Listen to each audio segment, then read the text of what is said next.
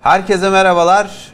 Hafızanın 8. bölümüyle karşınızdayız. Bu hafta biraz saat değişikliği oldu. Değiştirdik çünkü başka programlar vardı. Şimdi 8 haftadır her bölümde farklı bir konuyu masaya yatırıyoruz. Türkiye'nin ekonomik durumunu konuştuk. Türk devletlerini konuştuk. Mesela geçen hafta Kazakistan'ı konuştuk. İbrahim Ufuk hocamızla bir de Nazgül vardı. Kazakistanlı muhabirimiz. Bu hafta dünyadaki ekonomik sistemi konuşacağız. Küresel ekonomik sistemi ve özellikle Amerika'yı konuşacağız. Hocam hoş geldiniz. Hoş bulduk. Ama öncelikle bir Kazakistan'ı bir hatırlamamız lazım. Çünkü üzerinden bir hafta geçince durum değişti. Bir de şunu söyleyeceğim. Program öncesi yayına girerken öncesinde bir 3-5 dakika e, geri sayım başlıyor. Orada yazılan yorumlar dikkatimi çekti.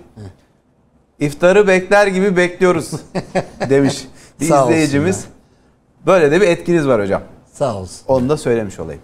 Teşekkür Hocam Kazakistan'ı konuştuk geçen hafta burada. Yani kim ne istiyor? Kazakistan'da ne oldu? Bir anda sokaklar nasıl karıştı? Hangi devlet orada ne yapmaya çalışıyor? Dedik ve bir anda olaylar yatıştı. İşte Rusya'nın başını çektiği o barış gücü geri çekilmeye başladı ama kimin karıştırdığı da Kazakistan'ı biraz belli olmaya başladı. Ne diyorsunuz? Evet, e, işin aslı e, doğrudan Rusya'dan daha ziyade Rusya'nın da istemedikleri girmiş devreye. Yani e, Amerika Birleşik Devletleri, İngiltere, Fransa yine çıktı işin içinden. E, her zamanki gibi. Evet hocam. Yani bu Aslında- değişmez bir Değişmez bir kural hakikaten öyle. Yani şimdi e, emperyalist dünya elindeki hiçbir kazanımı bırakmak istemiyor.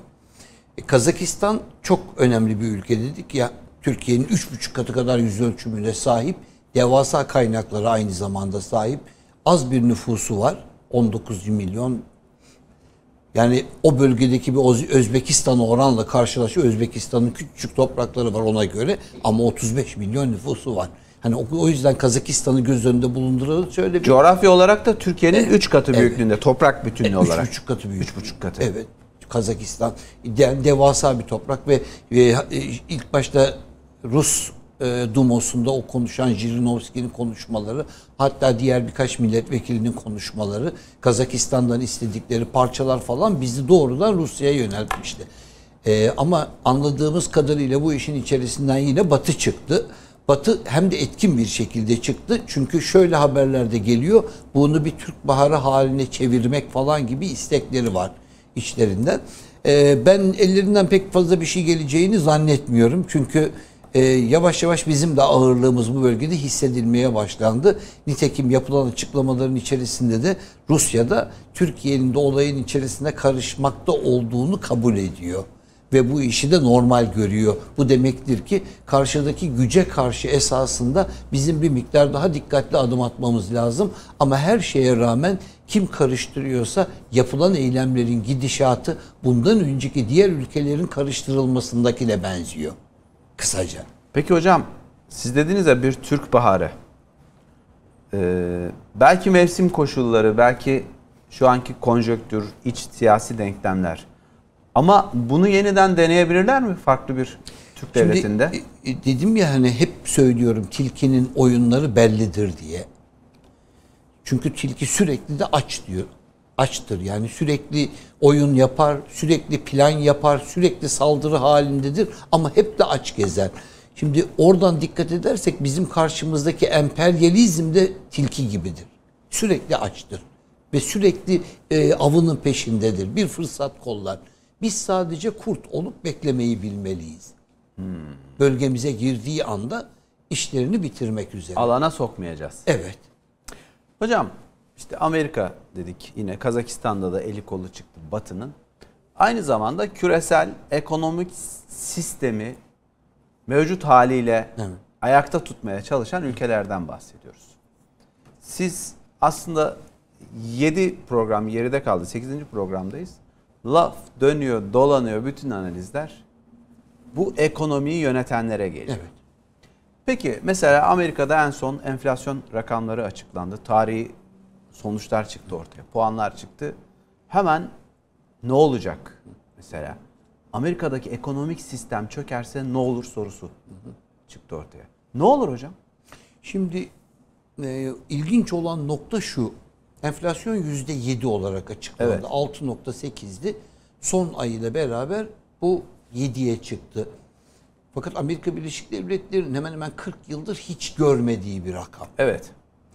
Hani bizim gibi görmüş ülkeler için pek fazla bir şey ifade etmiyor ama Amerika Birleşik Devletleri için piyasalara alt üst edecek kadar önemli. Nedenini biraz sonra da aslında görüntüleriyle beraber ispat edeceğiz neyin ne olduğunu.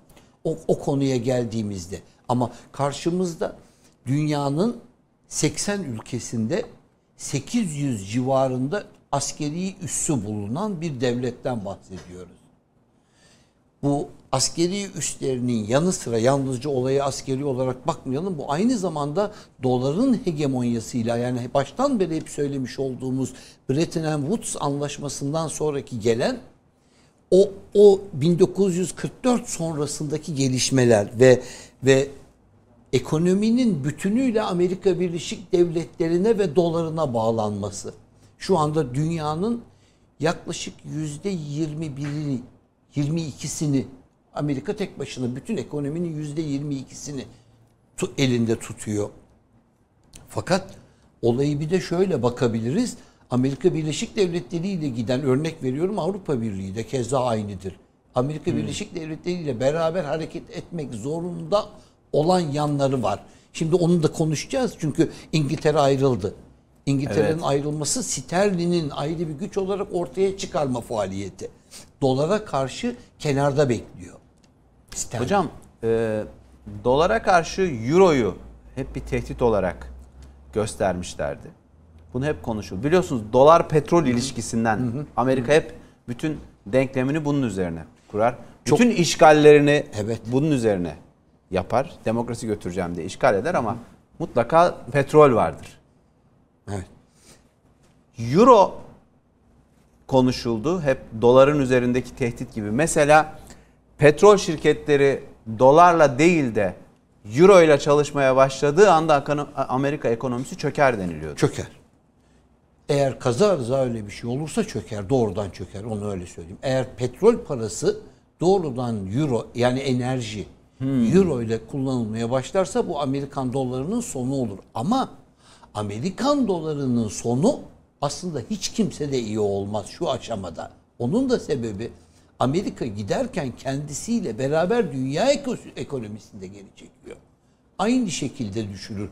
Bu oran olarak değişecek tabii. Hangi ülke Amerika'ya ne kadar bağlıysa o da aynı şekilde.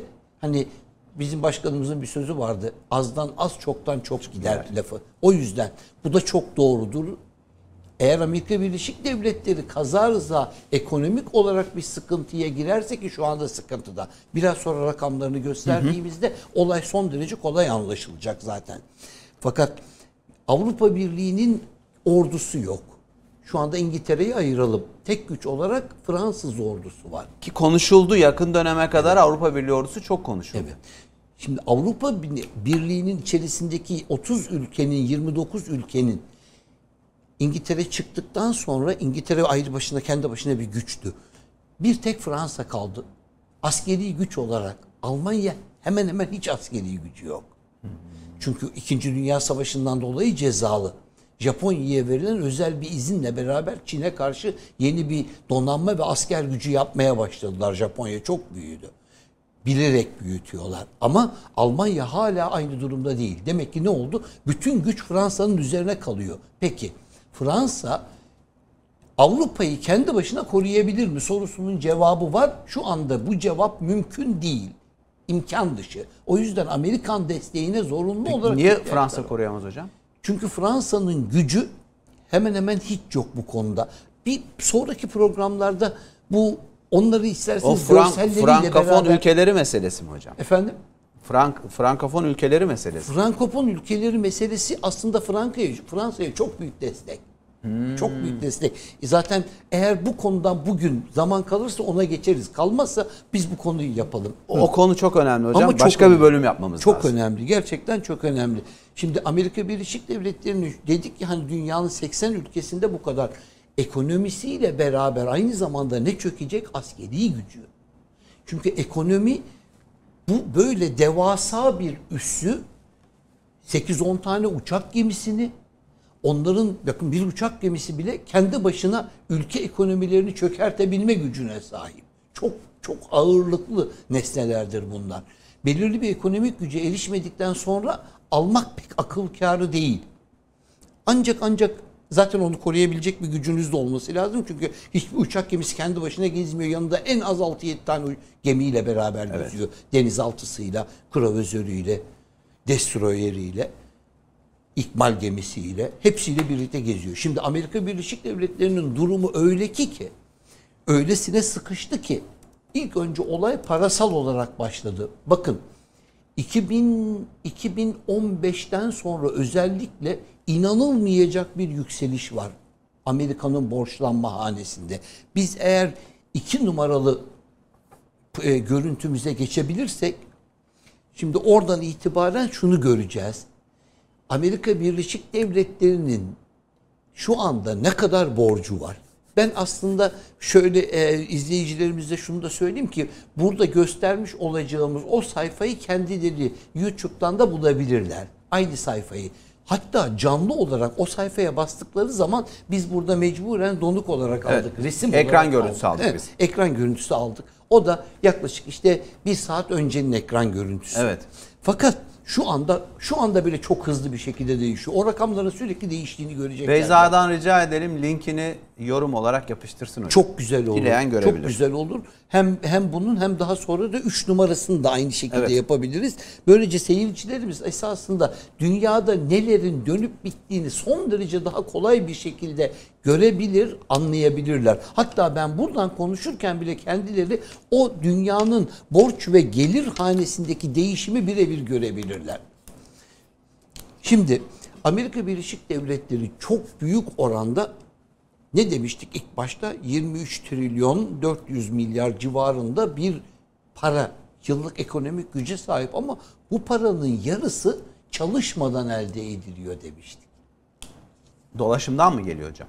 Dolaşımdan geliyor, kredi kartlarının kullanılmasından geliyor, dünya çapında altın ve değerli madenlerin e, piyasalarda el değiştirilmesinden geliyor, dünyadaki o Pasifik Okyanusu'nun kullanım haklarından geliyor. Paradan para kazanıyor. yani. Paradan para kazanıyor aslında. Yani bir de bir diğeri de en önemlilerinden bir tanesi e, iki numaraya geçebiliriz değil mi?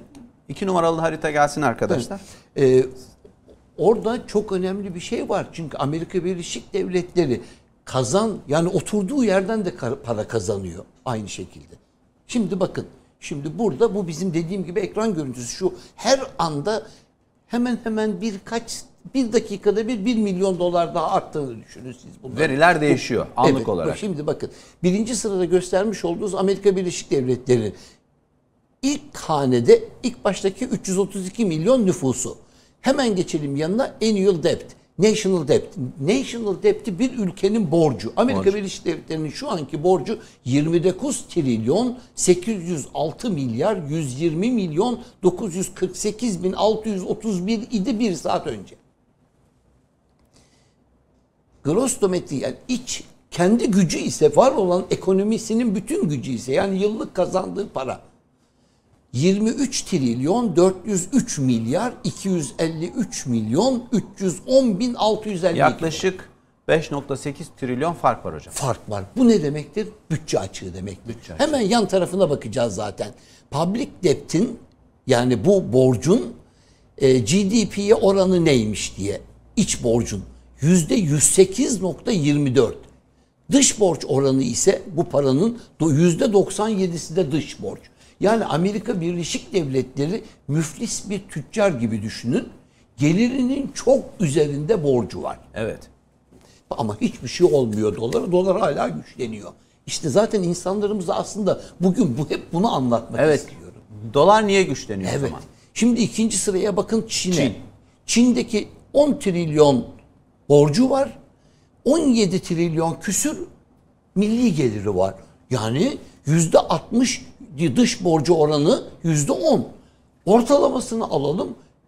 Yüzde 30 civarında bir borcu var. Evet. Ki ekonomik olarak en kolay yok Birazcık daha fazlaya geliyor özür dilerim. %55 oranında bir borcu geliyor ki yine de ekonomik olarak Maastricht kriterlerine göre söylüyorum bunu. Avrupa Birliği kriterlerine göre %70'e kadar borcu olan ekonomileri sağlıklı kabul ediliyor. Bakın şimdi. Şimdi bakın aşağıda Türkiye'yi göreceksiniz. Evet. 219 milyar 541 milyon 207 bin 603 lira borcumuz var imiş bir saat önce. Şimdi ama o zamanki gelirimiz de 665 milyar 561 milyon 341 bin 780. Oranı %32.99 yani %33 diğeri de %76 dış borca. Yani Türkiye'nin toplam borcu %33'tür. Milli gelirine oranı. Şuradaki tablonun içerisinde en iyi birkaç ülkeden biridir. Diğeri Rusya'dır. Bakın. Evet Rusya hocam. Hemen Rusya'dır. dikkat çekiyor zaten. Evet. Bir diğeri dediğim gibi Çin'dir ama Çin'dir. Çin'inki bizden de fazladır. Tamam mı? Bunlardan bir diğeri sanıyorum Tayvan. Bakın Tayvan'ın durumu da iyidir. Bizden biraz daha yüksek. Almanya çok ilginç. Evet. Bakın işte Almanya'nın durumu da iyi, öbürlerine oranla Evet. iyi. Tamam mı? Ama mesela bir Japonya'ya bakın şimdi. Şu borcun miktarına bakın. 14 trilyon 662 milyar dolar borç 5 trilyon 209 milyar normalde Japon yeninin yerlerde sürünmesi lazım. Amerikan dolarının hiçbir pul kadar değerinin olmaması lazım. Keza bakın İngiltere aynı durumda. Evet. Geliri 3.2 3 trilyon 220 milyar gideri 3 trilyon 258 milyar yüzde yüzün üzerinde. Yani yaklaşık yüzde yedi, 107 civarında bir borcu var ya bu ülkenin. Bunlar bakın herkes her şey gözü önünde bütün insanlara bakın e, e, Hindistan'a bakın İlk 2 milyon 900 bin hemen hemen borcu yüzde 90 oranında. Ben bu tabloyu özellikle göstermemin sebebi bu kadar insanların şunu kavrayabilmesi lazım. Hani bu zamana kadar hep söylüyorlar ya sen konuş konuş sen Türkiye'nin dış borcuna kadar biliyor musun? İşte gösteriyorum. İşte Türkiye'nin dış borcu, iç borcu ne kadar? Toplam borcun milli geliri oranı ne kadar? Ve bu sayfaların nereden yapıldığını kendilerine de gösteriyorum. İlle bu zamana kadar gizli kalmış şeyler değil bunlar. Bunlar her zaman herkese açık şeyler. İnsanların neden izleyip, neden takip etmeden böyle bedavadan salladıklarını anlayamıyorum gerçekten. İlle kendi ülkelerini kötü göstermek için. Normalde Türkiye'nin ekonomisinin son derece daha düzgün olması lazım. Şimdi hocam, bunun bizi iz- sebebi işte o saldırılar. Bizi izleyen izleyicilerimiz Evet. bu tablodan yola çıkarak sizin dediğiniz kötümser yorumların cevap olarak ne söylemeleri gerekiyor? Cevap olarak şudur. Bu olayların hiçbirisinin şu gördüğünüz tabloyla uzaktan yakından hiçbir alakası yoktur. Hiçbir alakası yoktur. Plan çok ayrıdır. Plan siyasidir. Plan dünyayı dize getirmektir. Biraz sonra zaten o bölgelere girdiğimizde herkes bunu çok daha kolay anlayacak. Ellerindeki gücü kaybetmek istemiyorlar ve bunlara direnen ender ülkelerden biri. Diğerlerinin gücü olmadığı için direndikten hemen sonra her şeylerini kaybettiler. Bakın ben size şöyle söyleyeyim biraz sonra bunları biraz daha ilerledikçe aslında ayrıntılarına da gireriz ama bu bunların çok ilginç bir e, dondurma, e, esetleri freeze yapma. Yani ülkelerin varlıklarını donduruyorlar. En ufak bir problem olduğunda hemen o ülkenin varlığına el koyuyor. Evet. Size bir örnek vereyim bakın. Mesela Irak'ın bütün mal varlıklarına el koyulmuştur Körfez Savaşı çıktığında. Hala kademeli kademeli izin veriyorlar bırakmaya. Adamlar kendi paralarını alamıyorlar. İran aynı durumdadır. Milyarlarca dolar alacağı var İran'ın. Hatta hatta 200 küsür milyar dolar bir alacağı var. İran'ın bakın 120 milyar dolar İran'ın alacaklarına el koyulmuş durumda. Ve İran bu parayı istiyor fakat alamıyor. Bakın bir diğerini söyleyeyim. Irak'ın 3,5 milyar dolarına el koyulmuş. Suriye'nin 10 milyar dolarına el koyulmuş. Sudan'ın 50 milyon dolarına el koyulmuş. Küba'nın 250 milyon dolarına el koyulmuş.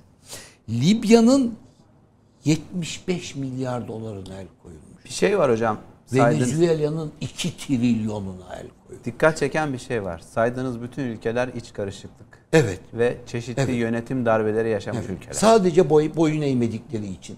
Bakın Guaido diye bir adam var Venezuela'da Evet. muhalefette. Diyorlar ki biz diyorlar bu parayı bırakırız. Ama Maduro gitsin Guaido. Ya Venezuela halkı ne biçim büyük bir halkmış ben şaşırdım. biliyor hocam musun? biliyorsunuz Chavez'i şu açlığa rağmen, şu sıkıntıya rağmen, yüzde altı yüz bin enflasyona rağmen, paralının değerinin hiç kalmamasına rağmen adam ben köle olmayacağım diye barınıyor, bağırıyor. Hakikaten Venezuela halkı daha önce de Chavez'i benzer bir şekilde Evet. darbeden geri almıştı. Evet. Şimdi bakın bütün bunların içerisinde ne dedim? 2 trilyon dolarlık altını Londra'da el koyuldu Venezuela'nın. Venezuela'da ne yaptı? Altınları bundan sonra Türkiye'ye getirmeye karar verdi.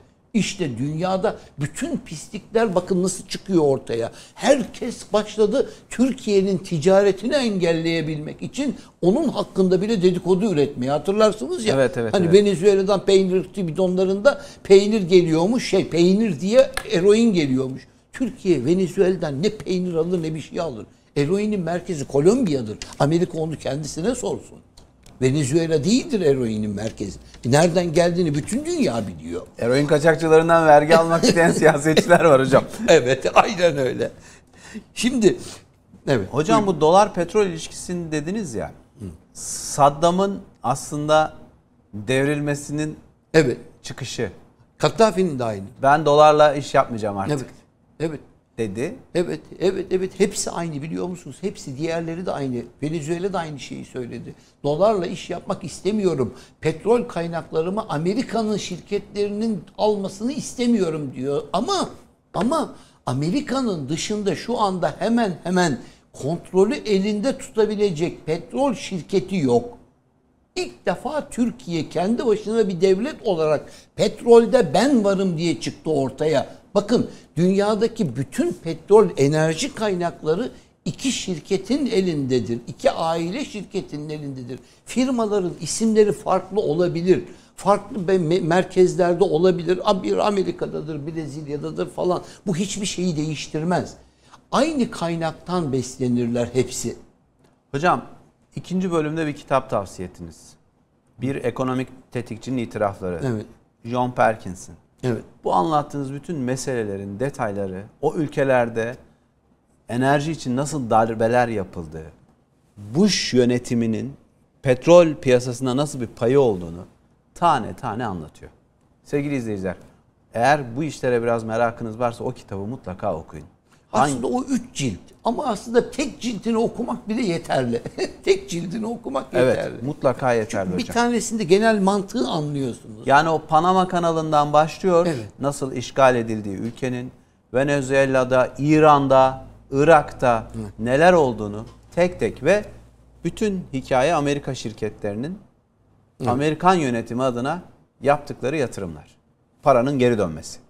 Sizin o dediniz ya hocam dolaşan para meselesi. Evet. İşte o ekonomik tetikçilerin dolaştırdığı para büyük bir kısmı. Hocam şimdi Amerika'da enflasyon arttı.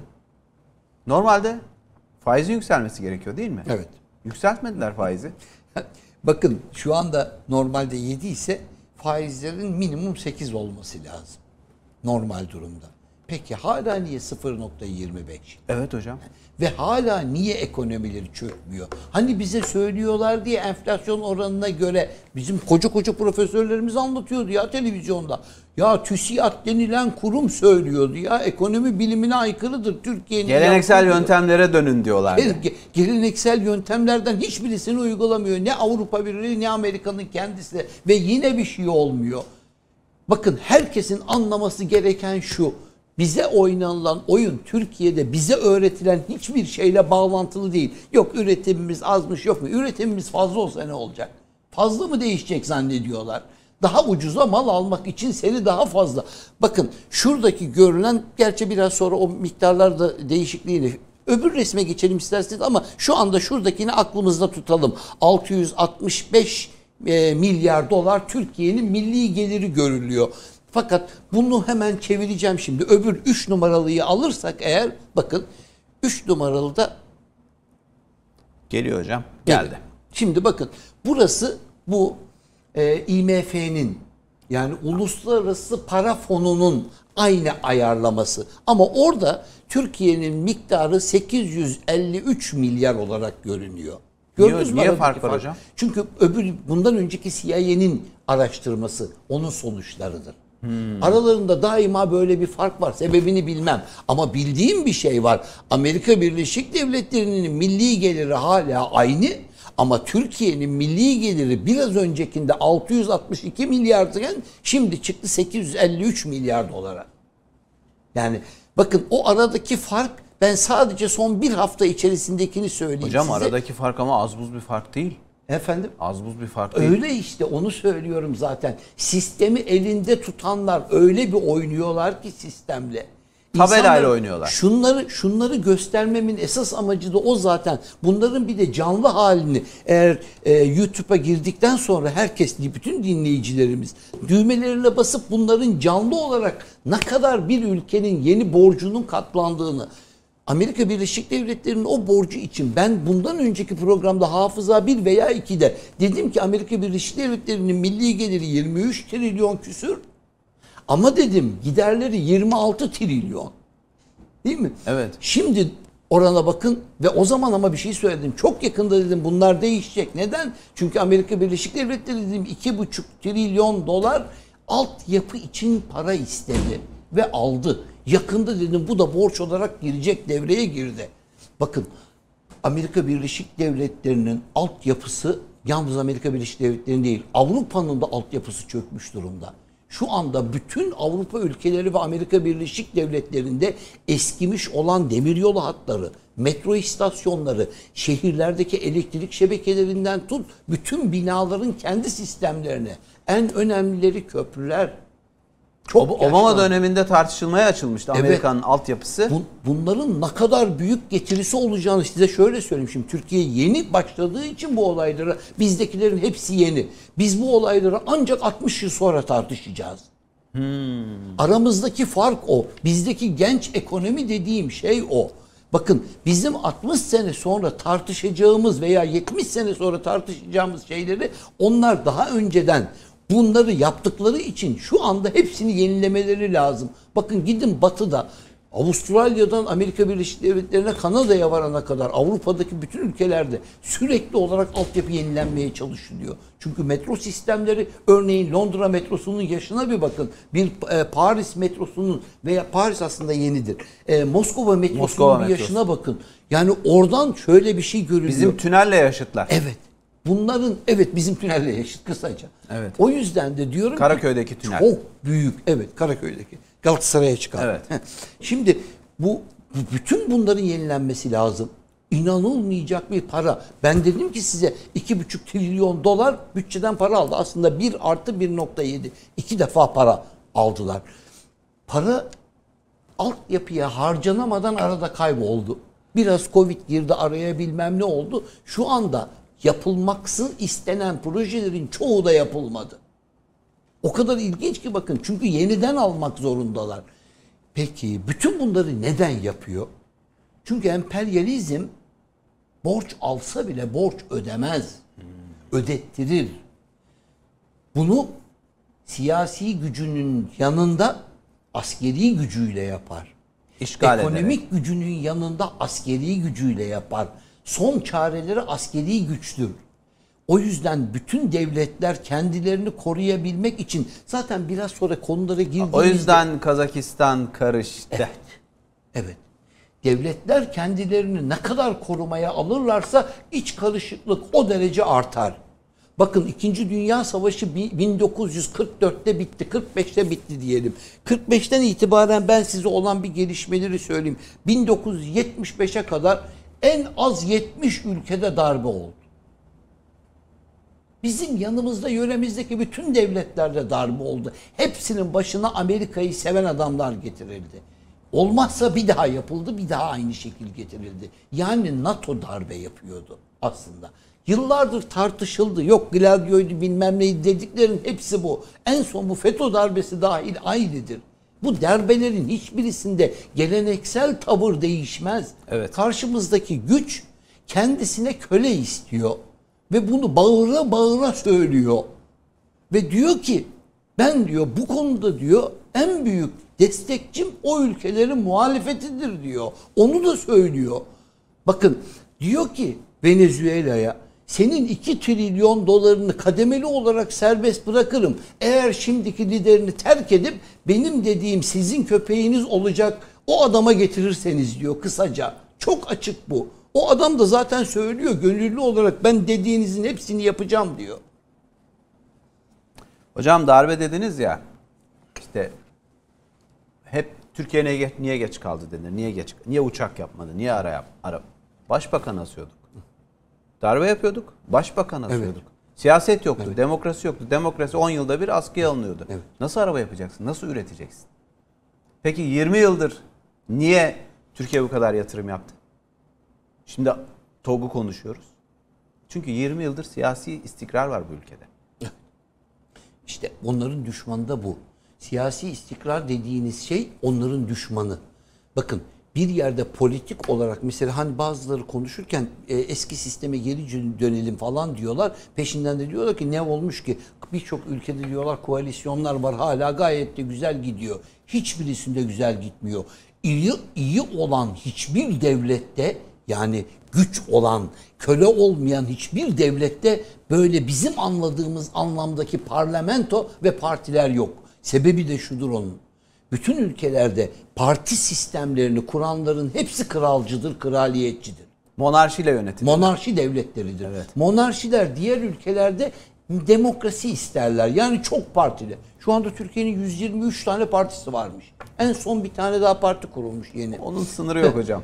Şimdi bir de bakın- partiler çöplüğüdür. Tabii Türkiye. bunun hiçbir anlamı Tabela yok. partileri vardır. Tabela partileri. Peki bu partiler hiçbir işe yaramayacaksa bu adamlar bizden ne istiyor sorusunun cevabı şudur. Her ülke, her güç kendi partisini yapmaya, o partiyi desteklemeye, o parti ile iktidara ortak olmaya çalışır. Liderlik tek yere geçtiği Koalisyonlar da bu imkan- yüzden kurulurdu değil mi hocam? Koalisyonlar da o yüzden kurulur. Yani Amerika taraftarları, İngiliz taraftarları, Fransız taraftarları Avrupa Birliği. Amerika, Avrupa Birliği ve geri kalanları. Tamam mı? Yani bunun içerisinde Rus da vardır, Çin de vardır. Kabinede Azın- kim hangi ülke adına çalışıyor? kim hangi ülke adına çalışıyor? Evet esas amaç budur. Onların içerisine. Yani bakın ben bu adamların hepsi böyledir demiyorum. Bu adamlar bunların içerisine yerleşirler. Sizin ruhunuz bile duymaz diyorum. Ve siz iktidara geldik zannederken bir bakarsınız ki aslında Amerika, Avrupa bilmem ne kendi senin içerisinde koalisyon yapmış. Kendi adına seni çekiştiriyorlar. O yüzden hiçbir proje senin istediğin biçimde değil, onların istediği biçimde sonlanır. Son bir örnek vereyim hocam. Amerika Irak'ı işgal edecekti. Rahmetli Bülent Ecevit karşı çıktı. Bir gecede dağıttılar hocam. Evet. Bir gecede en yakın adamıyla başladılar. Hüsamettin Özkan'la. Bir gecede bir anda Demokratik Sol Parti diye bir parti bile kalmadı. Aynen iktidardaydı. O kadar güçlüler yani. Bakın partiyi yaptıkları gibi, kurdukları gibi iki dakikada bitirirler. Ama bir de bunun yanında gönüllü olarak ben zaten seninle çalışmak istiyorum diye bas bas bağıranlar var. Onları da diyor ki "Ha, sen zaten istiyorsun benimle çalışmak. Benim niyetimi de biliyorsun. Benim senin için düşündüklerimi de biliyorsun. Sana ne yapmak istediğimi, nasıl ne yapmak istediğimi biliyorsun. Değil mi? Adam parça parça kesse Hocam bir şey söyleyeceğim. İlk defa bu kadar şeffaflar ama.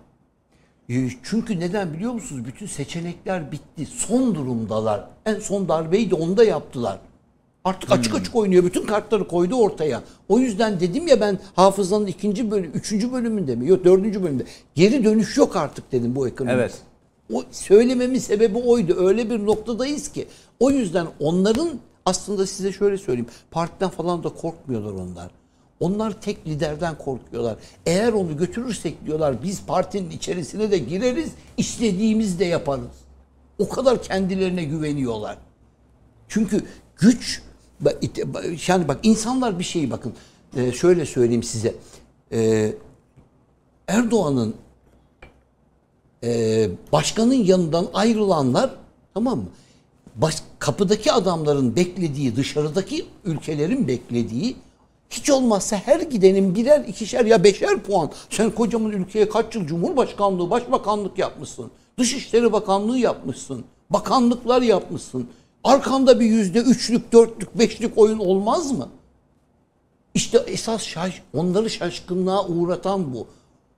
Yani Abdullah Gül'den tutun Ahmet Davutoğlu'na, Ali Babacan'a varana kadar ondan ta evvel hani ilk başta 2004 yılında başladı hocam. evet evet 2005 Herkes- yılında baş Erkan Mumcu'yla başladı. Erkan Mumcu'yla başladı. Abdülatif Şener. Abdülatif Şener'le AK Parti'den kopuşlar. Evet. Ve bakın bütün bunlara rağmen adamların düşüncesi şuydu. Ya hiç olmazsa herkes birer puan alsaydı bu iş zaten bittiydi diye bakıyorlar. Ama pu- puan alacaklarına puan geldi hocam. O nasıl oldu? İşte hiçbir zaman gelmedi. Bak o adamların hepsine Türk halkı bir şey söyledi. Sen dedi onun yanındaysan biz seni seviyoruz. Sen onun yanında değilsen ben seni niye seveyim ki? Ne anlamı var ki? Ve bunu bu mesajı bile algılayamayacak durumdalar. Beni en çok şaşırtan o. Bakın ya, e, insanların sevgisine, isteğine saygı gösterilmek zorunda. Madem demokrasi diyorsunuz, madem sandık diyorsunuz buna Amerika Birleşik Devletleri'nden çıktık nereye geldik ama doğrudan bizimle bağlantılı olduğu Ama mevzu yine. Amerika hocam. Evet. Çünkü içimizde konuştuğumuz yine Amerika. En son bu tem 15 Temmuz darbesinde yine onlardı. Yine onlar faaliyetteydi. Herkesin gözünün içine baka baka biz yaptık diyorlar zaten. Korkutucu olan ne biliyor musunuz? O zamandan kalan bizim o generaller hala daha bu adamların elinde.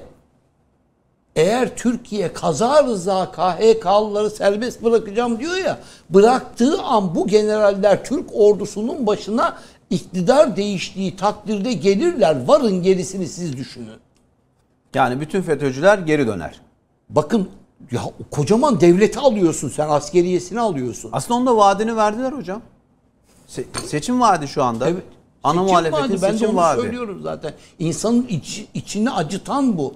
Karşımızdaki tehlikenin büyüklüğünü görmüyorlar mı? Ya bakın bugün bugün çok çok önemli bir olay oldu biliyor musunuz? Dünyada sadece birkaç ülkenin sahip olduğu elektronik haberleşme gemisi Ufuk denize indirildi. Milli İstihbarat Teşki- Teşkilatı'nın hizmetine sunuldu. Ya bakın ya inanılmayacak bir şey. Hiç kimsenin haberi yoktu. Birdenbire ortaya çıktı koyuldu bu. Tamam 2019'da denize indirildikten sonra şu anda bütün demek ki testleri bitti faaliyete geçiyor. Dünyada sadece birkaç ülkede var bu. Ve biz bunun teknolojisini o üzerindeki radarlarını sistemlerini biz kendimiz yaptık. Aselsan, Havelsan yani Türkiye'nin kendi kurumları yaptı. Hani diyorlar yok onu da sattı, bunu da sattı. Devletin kritik hiçbir şeyine hiç kimse bir şey yapmadı. Devletin ne kadar büyüdüğünü, Türkiye'nin ne kadar olayı yani ille iktidar ve karşıdaki insana düşmanlık olarak algıladıkları için çok fazla bir şey anlatamıyorsun. Çünkü adam doğrudan şunu savunuyor diye bakıyor. Türk devletini savunuyor diye bakmıyor ya. Evet. Hocam bu arada gemiden bahsediniz. Milli İstihbarat Teşkilatı ben özellikle gençler gençlerden rica edeceğim. Ee, bir reklama da girecek belki ama TCG Ufuk. Ya YouTube'dan Yok, bakmaları yok. lazım. Yok reklama şöyle girecek. Bir dizi, teşkilat diye bir dizi var Evet. hocam.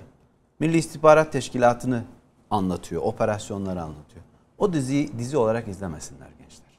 O dizinin çok büyük bölümünde gerçeklik payı var. Hatta Türkiye'nin savunma sanayindeki gelişmişliğini de tek tek operasyonel kabiliyetlerinde her bölümde ayrı ayrı işliyorlar. Evet. Yani sadece bir televizyon dizisi gözüyle bakmamak lazım. Zaten Muhtemelen gemiyi de yakın zamanda herhangi bir bölümde e, kullanırlar hocam, işlerler. kesinlikle kesinlikle kullanırlar. Madem iletişim savaşlarındayız bu da en iyi bir iletişim Hani aracı. ne yapıldı diye soruyorlar ya. Evet. Artık insanların görmesi lazım ya bazı şeyleri. Bizim nelerle mücadele ettiğimizi. Peki Amerika Amerika kaza rıza çökerse ne olur? Ne olur biliyor Hocam musunuz? ondan önce bir soru soracağım. Amerika faiz arttırırsa ne olur? Amerika Faizi arttırırsa ne olur? faizi arttırırsa ne olur? Dolarlar Amerika'ya geri gider diyorlar. Ama ben aynı şekilde düşünmüyorum. Amerika mecburen yeniden para basacak. Bu işten kurtuluşu başka türlü yok. Zaten son birkaç yıldır sadece para basıyor hocam. Şu an evet öyle. 2017'de topladığı 1 trilyondan fazla parayı topladı yaktı. Piyasadan çekti yaktı. Önceden koyduğu paraları. Evet. Çünkü o piyasayı çok bozdu diye. Şimdi onun belki 7-8 katını piyasada dolaşıyor. Bakın o açıklar kendisini gösteriyor. 23 trilyon dedik. Borcu 29 trilyondu. 6 trilyon dolara yakın borcu var. Bakın 6 trilyon dolar Türkiye'nin 10 yıllık yani 6 özür dilerim 8,5 yıllık milli gelirine eşit. Yani o kadar parası açık. Bir yıllık açığı bu. Keza Japonya'nınki ondan da fazla. Japonya'nın 9 milyar, 9 trilyon dolar açığı var. Diyorum ya sana normalde ekonomilerin alt üst olması lazım. Bize kitapta öğretilen her şey yalan. Kitap yalanların üzerine koyulmuş. Sistemi kurgulayanlar, Evet. kitabı da yazanlar. Evet çünkü onu da yapan onlar. Hadi buyursunlar ekonomilerinin isteğini yerine getirsinler. Faiz oranlarıyla beraber şu enflasyon oranını e, bir eşitlesinler bakalım. Milletin ezilmesini durdursunlar diyeyim değil mi? Hani bizden isteniyor. Bizimkiler genelde enflasyonun üzerinde bir rakam vermeye çalışıyorlar. İnsanların maaşını da arttırmaya çalışıyorlar. Peki yapsınlar hadi bunlar da yapsınlar. Neden aynı şeyleri uygulamıyorlar? Hani bir bütün dünyaya öğrettikleri bir sistem vardı. O ekonomik sistem bunu gerektiriyor. Evet. Neden uygulamıyor? Bal gibi bir şeyi anlatıyor bu bize. Sistem, oyunun sahibi onlar. Maçı 90 dakikaya bölüyorlar. İsterse 80 dakika yapıyor. İsterse 95 dakika 98 dakika yapıyor. İsterse diyor ki sen, sana gelirse offside olur, bana gelirse olmaz diyor. Ben kuralı böyle koydum. İster oyna ister oynama diyor. Devletlerin elindeki paralarına el koyuyor, gasp ediyor. Yönetimlerini değiştiriyor. Yönetimlerini değiştiriyor. Sokaklarını Ülkenin karıştırıyor. Her tarafında sokakları tabii isyan çıkartıyor. Kendi liderlerine karşı kendi yaşam biçimlerini insanlar bir olaya başladıklarında ilk önce hak mücadelesi diye başlarlar. Ama olayın sonucunda bir bakarsın ki 10 sene önceki yaşam düzeyinden daha aşağıya geri gidersin. Elindeki varlıkların hiçbir değeri kalmaz. Çünkü bu aslında şunların içerisinde bir önceki o ikinci bölümde bunlar çok daha rahat anlatılıyor. Hangi sektörlerde ne kadar borç var ve bunların ayrıntıları var. Kimin ben bunların hepsini ayrı ayrı bir program yaparız yine gösteririz. Dünyada hangi ülke enerji fiyatları hangi ülkede ne kadar tık tık yaparak hepsini ele geçirebiliriz. Hepsini görebilirler. Kim dünyada bize söylenenlerin ne kadar yalan olduğunu anlamaları açısından söylüyorum insanların. Şuradaki şu görüntüleri bu zamana kadar bunlar gizli saklı bilgiler değil. Bunlar şu anda var olan bilgiler. Herkese açık bilgiler. Ama okumak gerekiyor. Evet bunları okuyup değerlendirmek gerekiyor. O yüzden Husis'i buraya koyduk ki bakın dedik bütün ülkelerin durumları bunlar. Aldıkları bu, gelirleri bu. Adamların hal- halini, vaktini anlayın. Yüzde oranlarını anlayın. Size internetten bir tane geri zekalı yazdı ona inanmayın. Çünkü çok acı bir şey biliyor musunuz? Evet hocam, Türkiye'deki bilgiyi 100 teyit- haberin 50'si yalan diyor. Yalan haber. Özellikle Twitter'daki gündemin yarısı sahte içerikler hocam. Hani bir sosyal medya uzmanı olarak söyleyeyim ben bunu. Önünüze gelen bir bilginin kimliği özellikle belli değilse arkadaşlar. Kimliği belli değilse hiçbir şekilde inanmayın. Sizin ideolojinizi destekliyor olsa da inanmayın. Evet. Yarın sizin karşınızda bir yorum Kesinlikle. yapmayacağının garantisi yok. Kesinlikle. Hocam ana soruya gelelim. Amerikan ekonomisi çökerse ne olur? Amerika çöktüğünde ne olur biliyor musunuz? Hemen Çin çöküyor. Sebebini söyleyeyim. Çok ilginç. Bakın. Çin'in üretmiş olduğu yani Çin'in bir yıllık ihracat geliri 2.7 trilyon dolar. Bunun 1,5 trilyon doları Amerika, İngiltere, Kanada, Avustralya ve Yeni Zelanda 5 ülkeye gidiyor. Yani Anglo-Saksonlara. Çin'i tek başına sadece Anglo-Sakson dünyası eğer yanına Avrupa'yı da koyarsak yani Saksonları ve Frankları koyarsak yanına Çin'in işi bitti. Yani Çin'in bütün üretimi bakın siz bütün o ülkeleri gezdiğim için söylüyorum. Çin'in görevi kendisine verilen biçilen görev kölelik. Üreteceksin bana ben istediğim Ucuz gibi işçilik. harcayacağım. Amerika Birleşik Devletleri başta olmak üzere bu bu dediğim ülkeler dünyada en fazla harcayan ülkeler. Her şeyin çöpün en fazlasını onlar tüketirler. Bakın bir günde okyanuslara 8 milyon ton plastik atılıyor. Bir gramını Türkler atmıyor. Size o kadar söyleyeyim. Ama yarın öbür gün temizleyelim dediklerinde bizi de araya kaçacaklar. Bunlar o kadar kötü niyetli insanlar ki insanların anlamaları için söylüyorum. 8 milyon ton bir günde plastik diyor atılıyor, okyanuslara atılıyor. Yani size şöyle söyleyeyim onu Pasifik Okyanusu dünyadaki bütün karalardan daha büyük. Evet. Bütün kara parçalarından.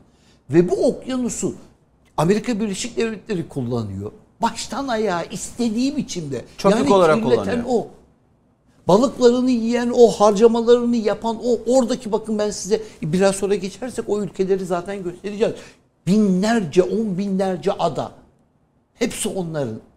İnsanlar zannediyorlar ki Amerika Birleşik Devletleri diye 50 devletten 50 eyaletten oluşan bir devlet var. İngiltere işte İskoçya, e, Walesler ve Birleşik Krallık oluşturan İngiltere. Üç devlet falan filan zannediyor. Öyle bir şey yok. Öyle bir şey yok. Böyle bir- bu Fransa'yı Fransa'dan ibaret görmek gibi bir şey bu. Hocam o o başka bir bölüm yapacağız ama. o. Evet öyle mi? O ne sömür- kadar sömürdük- zamanımız kaldı? Bitiyor artık. Sömür, Öyle mi? Sömürge ülkeleri meselesi daha önemli bir şey. Farklı bir konu. Çok önemli. Frankopanlara gideceğim çünkü bak Commonwealth'leri, Frankopanları Amerika Birleşik Devletleri'nin elindeki ve Rusya'nın elindeki ona verilmiş şu anda da elinden giden ama hala daha gitmesi possible, mümkün olan bazı şeyler var. Hala elinden gitmesi her ihtimal dahilinde olan. Çünkü Rusya eğer bu durumda Türkiye'ye destek vermezse Kazakistan dahil olmak üzere kendi çıkarının zıttına bile olsa dengeli bir şekilde bizimle anlaşamazdığı, anlaşamadığı takdirde biz değil Rusya'da sarılıyor. Ve bu emperyalist kıskaç inanılmayacak bir kıskaçtır. Hiç kimseye acımaz. Çin'in çökmesi, Avrupa Birliği'nin çökmesi, Amerika Birleşik Devletleri'nde üretim yok. Detroit kenti bütün gücünü yitirmişti. Şehir kapatıldı. Ama şimdi diğer şehirlere geçti. Michigan da aynı durumda. Otomobil fabrikaları tek tek kapanıyor. Bunların hepsinin yerine o ünlü Amerikan firmaları gitti. Bakın onların yerine bir de bir de üstüne üstlük şimdi piyasaya Las Vegas'ta gösteri yaptık. Bizim elektrikli otomobilimiz girdi. Elon Musk'ın Amerika'da yapması gereken yatırımı kalktı Çin'e yaptı. Evet. Şimdi Biden'la beraber papazlar. İkisi beraber birbirini yiyorlar. Elon Musk'ın yatırımını Texas'a yapacağını bekliyorlardı. Texas'ta bir yatırımı vardı, onu da durdurdu. Yani Elon Musk'ı bile onlar bakın kendi içlerinde de aynı durumda. Amerika Birleşik Devletleri'nin ne dedik şimdi? Ekonomisi borçlu. Altyapısı rezil. Bu bütün Avrupa'nın da aynıdır. Son derece eskidir. Bütün Avrupa'nın altyapısı İngiltere'nin, Almanya'nın, İsviçre'nin, Fransa'nın. Yani 1945'te yaptıkları altyapılar çok eskidi. Ama İngiltere'ninki daha da eski. O yüzden daha da zor durumda. Bizimki ise hepsi çok yeni. Önümüzdeki yıllar nüfusu artan, çünkü nüfus güçtür. Ekonomik gücün artması nüfustur. Nüfusu artan, aynı şekilde genç nüfusu artan, gerçi o da yavaşlayacak çok üzülüyorum ama... O bir dünyanın kaderi gibi evet, bir şey hocam. dünyanın kaderi gibi bir şey o da. Ama o, o zaman da hani e, çok daha fazla sayıda genç çalışarak yaşlıya bakmak zorunda. Üretim. Evet. Üretim ister istemez düşecek. Yani bizim şu anda hem üretim yapacağız ama şunları da çok iyi dikkat etmemiz, akılda bulundurmamız lazım. Üreteceğiz, satacağız ama karşımızdaki adamlar her an her türlü oyunu oynayabilirler. Çünkü bunların mesleği o. Şu benim burada göstermiş olduğumuz rakam 853 milyar dolar. Ben size normal durumdaki yerini söylüyorum. Şurada bugünkü Kanada'nın, İtalya'nın seviyesinde olacaktı. Türkiye'nin geleceğini mi E, söylüyorsunuz? Yok Öyle- şu andaki şu anda eğer dolara müdahale edilmeseydi bakın Hmm. Şu bizde- son 3 ayda yaşadıklarımız. Evet bizim bizim bak sadece son 3 ayda yaşadıklarımızı alırsak Türkiye'nin milli geliri bir anda Hollanda'nın üzerine çıkıyor. 16. sıraya yerleşiyor. Sadece şu 3 ayda yaşadıklarımızı alırsak. İşte ben diyorum ki size bakın bu adamların elinde paraları çok. Sistemi elinde bulunduruyorlar ve ilk defa ilk defa kendilerine mücadele eden birisi çıktı. Hiç sus- e, şey yapmadılar bu iş, hoşlanmadılar. Dünya beşten büyük demek size ne kadar büyük etki yaptığını anlatamam. Bakın biz içeride bunları insanlar televizyonlarda dinliyor, geçiyor. Bu oralarda bütün dünyada alt üst ediyor. Özellikle emperyal güçleri. Dünya beşten büyüktür. Ya adam bize bize açıkça kafa tutuyor diyor. Bize açıkça kafa tutuyor diyor. Noam Chomsky denilen çok önemli bir stratejist Evet. var. Aslında bu e, Amerika Birleşik Devletleri'ne ailesi göç etmiş bir Yahudi. Fakat Noam Chomsky alışılagelmiş Yahudilerden biri değil. Çok ünlü bir stratejist ama aynı zamanda çok ünlü bir e, felsefe uzmanı, mantık uzmanı, sosyoloji uzmanı. Bu adamın çok ilginç görüşleri var. Ee, aslında onunla ilgili bir kitap da yap- e, tanıtabiliriz daha sonra. Ama çok ilginç bir şey. Adam diyor ki eğer diyor Amerika Birleşik Devletleri başkanlarının suçhaneleri yazılırsa hapisten çıkamazlar hiçbirisi diyor. Evet. Her birisi savaş suçlu- suçlusudur diyor. Yani her Yahudi de Siyonist değil. Bunları da belirtelim insanlarımıza ki görsünler diye. Bilmiyorum ne kadar zamanımız kaldı. Hocam az kaldı. Şöyle birkaç soru var izleyicilerden konuyla alakalı. Evet. Onlara da bir yer vermek lazım. Çünkü sizin iki de kitap tavsiyeniz var. Evet, Bu hafta. evet, evet, Devam evet. ediyoruz kitap tavsiyelerine. Evet. Bir izleyicimiz demiş ki Türkiye ne zaman refaha kavuşacak? Benim e, ben bu Ya tamam anlatıyoruz bir gelişme var. İşte ekonomik sistem kuruluyor, yeni bir model deniliyor. Dünyaya baş kaldırılıyor. Ama ne zaman? Bu 11 ay 10 gün çok önemli. Çok büyük şeyler olacak dünyada. Bakın önümüzdeki bu yıl yani bu bu 2022 yılında çok önemli şeyler olacak. Karıştırmak isteyenler de kendileri içlerinde bahar çıkabilir onu söyleyeyim. Yani bir Avrupa baharı çıkarsa hiç kimse şaşırmasın. Bu pandemi etkili ekonomik Çok daha sonuçlar. baskın gelecek. Yani ben Litvanya'yı söyleyeyim size enflasyon oranı yüzde 11'i 12'yi geçti. Çok ileriye doğru gidiyor. Baltık Bir ülkelerinde de hocam ani bir sıçrama var. Zincirin bir halkasında bir sakatlık çıkınca Aynen öyle. Şu nasıl anda ki Yunanistan'ı el birliğiyle ayağa kaldırmak bakın zorunda kaldı. Yunanistan dediniz de aslında o kadar güzel bir şeye geldiniz ki şuradan bir Yunanistan'ı bulalım da e, onun bir size borç durumunu göstereyim. Ne acı bir şey biliyor musunuz? Normal durumda ölmeleri lazım. Muhtemelen tabloya, Ama bunların da altında o öbür tabloya sayfaya- girmemiş. Tabloya girmemiş hocam. He, öbür sayfada yok öbür e, resimde var. Bu zannediyorum 3 numaralı resmimiz 2 numaralı resimde var. O- Arkadaşlar onu getirsinler hocam. Devam edelim. yani o sanıyorum orada vardı. Orada Yunanistan'ın borcu akıl kârı bir miktar değil. Bakalım şurada işte Tayvan, İsviçre, Portekiz, Polonya, Brezilya o da yine arada kalmış. İşte tam şunların ikisini çünkü ben o sayfayla bunun arasında başka ülkeler de var. Bu e, iki sayfa ben Türkiye'yi göstermek için şu kısmını Tamam ayırdım. hocam. Ee, Yunanistan'ın dış borcu Evet. çok yüksek. Çok fazla. Yani size şöyle söyleyeyim. i- 200 100 200 milyar dolar civarında bir milli geliri var. 660 milyar dolar borcu var. Normalde ölümlerden ölüm beğen şeyi. Batmış. Sadece sadece sürekli olur. Bu da silinmiş hali borcu biliyor musunuz? Borç 1 trilyondan fazlaydı. Faizleri alındı, ana paradan eksiltildi, bilmem ne kadar bağış yapıldı falan bu kadara düştü. Düşün istediklerini böyle yapıyorlar. İstemedikleri bizle beraber birkaç milyarla bütün Türkiye'nin şuradaki durumunu gösteriyoruz. Borcun hasılaya oranını falan gösteriyoruz insanlara. Bütün buna rağmen her şeyi açık seçik anlamak zorundayız. Bizden köle olmamızı istiyorlar. Biz direniyoruz. Direnmeye var olanlar bu işin içerisinde kalacak. Venezuela halkı kadar olmak istemeyenler gelmesin aga. Bu iş bir mücadele işi. Bu iş bir ya kölelik ya efendilik. Biz bu işe son noktayı koymaya kararlıyız. 1838'den başlayan süreç 1854'te ilk borç aldık. Bu zamana kadar sürüyor. Bu kısır döngü kırılmak zorunda. Yani insanlar hep söylüyorlar bazen altına yorum yapıyorlar şöyle böyle diye. Ya bak ben sadece söylüyorum rakamlarını koyuyorum ortaya gösteriyorum. Hiçbir şeyi havadan atmıyorum. Olmayan bir şeylerden de bahsetmiyorum. Bağlantıları koyuyorum. Kabul edip etmemek size ait. Hocam bir soru daha var.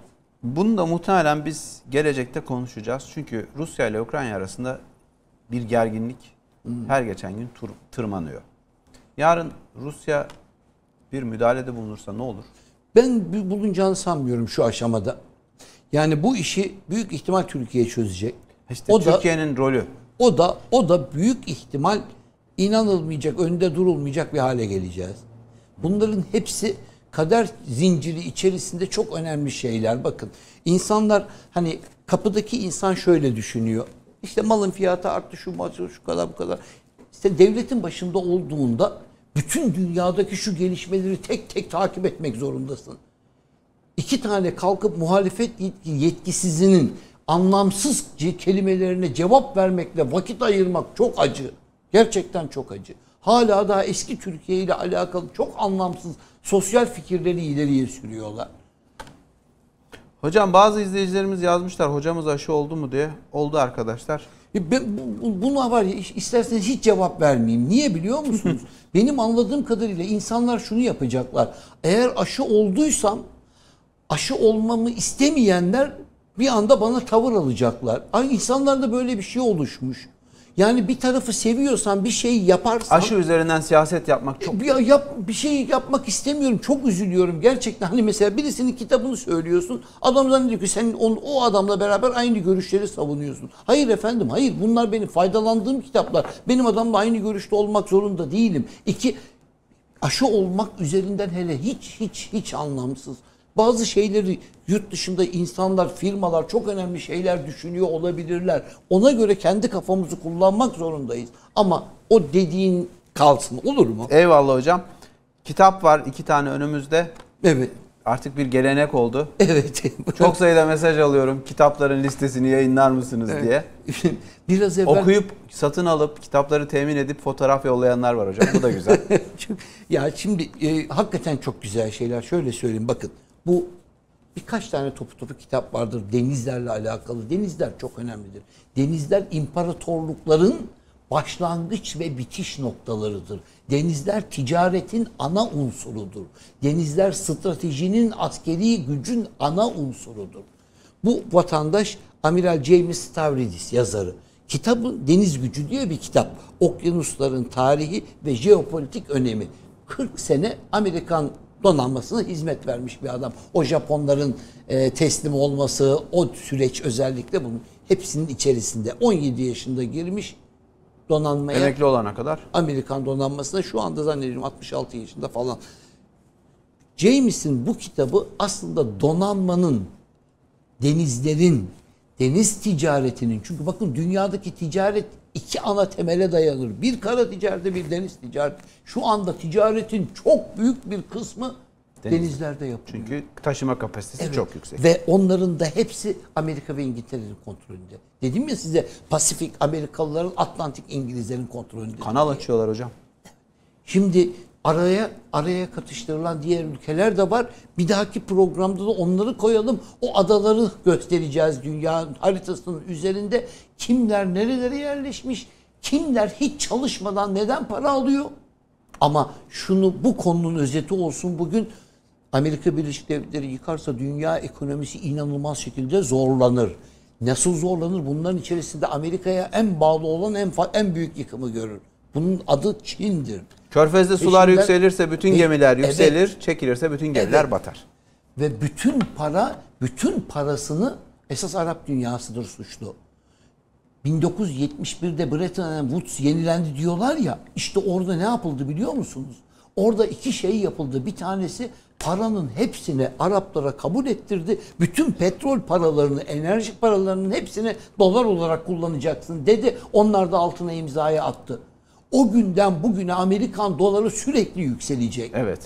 İkinci olayı da bir de endeksleme yaptılar. Avrupa'daki altı parayı seçip bunun içerisinde İngiliz sterlini var, işte e, diğer ülkenin İsveç kronu var, İsviçre frankı var falan. Altı ülkeyi bir araya getirip bir endeks yaptılar kendilerine. O endeksle doların inip kalkışını ayarlamaya başladılar. Bu da ikinci unsur. Hani insanlar diyorlar ki abi euro da hiç düşmüyor. Euro da düşer ama mesela yüzde dört, yüzde altılık bir değer kaybetti. 1.17, 18 ile başladı. Evet. 1.12'ye 13'e düştü. Yani endekste orada da oynamaları var. Hem de bu son bir yılın içerisinde olan olaylar bunlar. Yani euro da biraz değer kaybetti. Ama ekonomisi en kötü giden en fazla değer kazanıyor. Evet. İşte sistemin aslı bu. Katilliğin aslı bu. Şimdi o sisteme zaten geldiğimizde Frankopanlara falan geldiğimizde Commonwealth'e hepsini anlatacağız. İkincisi, birinciyi söyledik, ikincisi Gogol. Ben Rus Gogol'u edebiyatının kurucu babası. Evet, Gogol'u çok severim şu açıdan. Gogol aynı zamanda düşman değildir. Dostoyevski gibi, gibi değildir yani. Dostoyev- Dostoyevski de çok iyi bir romancıdır ama hani Rus klasikleri arasında klasik bir Türk düşmandır. Ama Gogol öyle değildir. Gogol insancıldır. Sistemin kendisini sorgular. Zamanla güzel vakit geçirebileceğiniz bir delinin hafızasından delilikler görebileceğiniz İç ses. ama aynı zamanda toplum içerisindeki katmanlar arasında bir üst düzeydeki memurun alttakini nasıl ezmeye çalıştığının çok güzel örnekleri var. Bunların insancıl bir biçime dönüştürülmesine Hocam ben de bir çalışıyor. katkıda bulunayım. Üçleme Küçücük olarak kitap. Hı. üçleme olarak e, palto ve burunu da okuyabilirler. Evet, E, Google'un üçleme olarak şey yapar. Daha böyle bir netleşir kafada. Şimdi ben sadece bugün için hani bir tanesini getireyim. Çok kısa, çok az. İçerisinde topu topu beş tane ayrı hikaye var. Bir, bir, bir delinin hatıra defteri sadece hakikaten hikayelerden bir tanesinin adı ama onu başlık olarak almışlar. Çok güzel bir kitap. Evet hocam. Çok güzel vakit geçirilecek bir roman. Hocam kütüphaneyi de bayağı genişletmeye başladık. Genişlettik. 20 kitaba yaklaştık. Değişik yönlerden gösteriyoruz. Hani Evet. bakın çok farklı yerler. Bir tanesi sosyolojik olarak bir toplum içerisindeki katmanlarda insani ilişkilerin birbirine verdikleri değer. Toplumlarda bireylerin birbirlerine olan saygısı, diğerleri ise emperyalist bir gücün dünya üzerinde egemenliğini sağlamak için acımasızca çalışmasının sembolü. Onun için kullanılan okyanuslar. Arkadaşlar çok soruyorsunuz. Ya hocamız bu kadar şeyi nereden biliyor? Nasıl biliyor bu kadar analiz? Okuyor gördüğünüz gibi.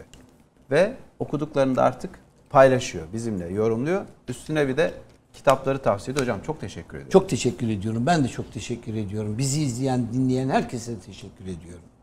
Yeni bölümde görüşmek üzere. Hafızanın 8. bölümünü noktalıyoruz. İyi akşamlar herkese efendim.